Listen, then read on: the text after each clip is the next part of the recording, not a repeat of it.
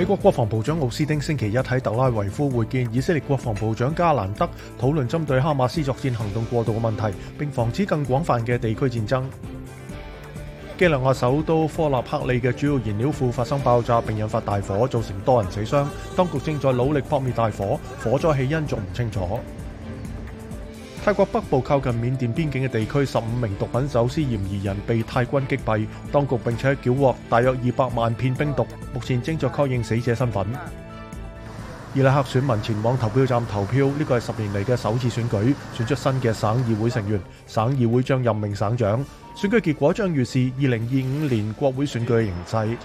塞尔维亚国会选举嘅官方初步点票结果显示，执政嘅民粹主义政党获胜。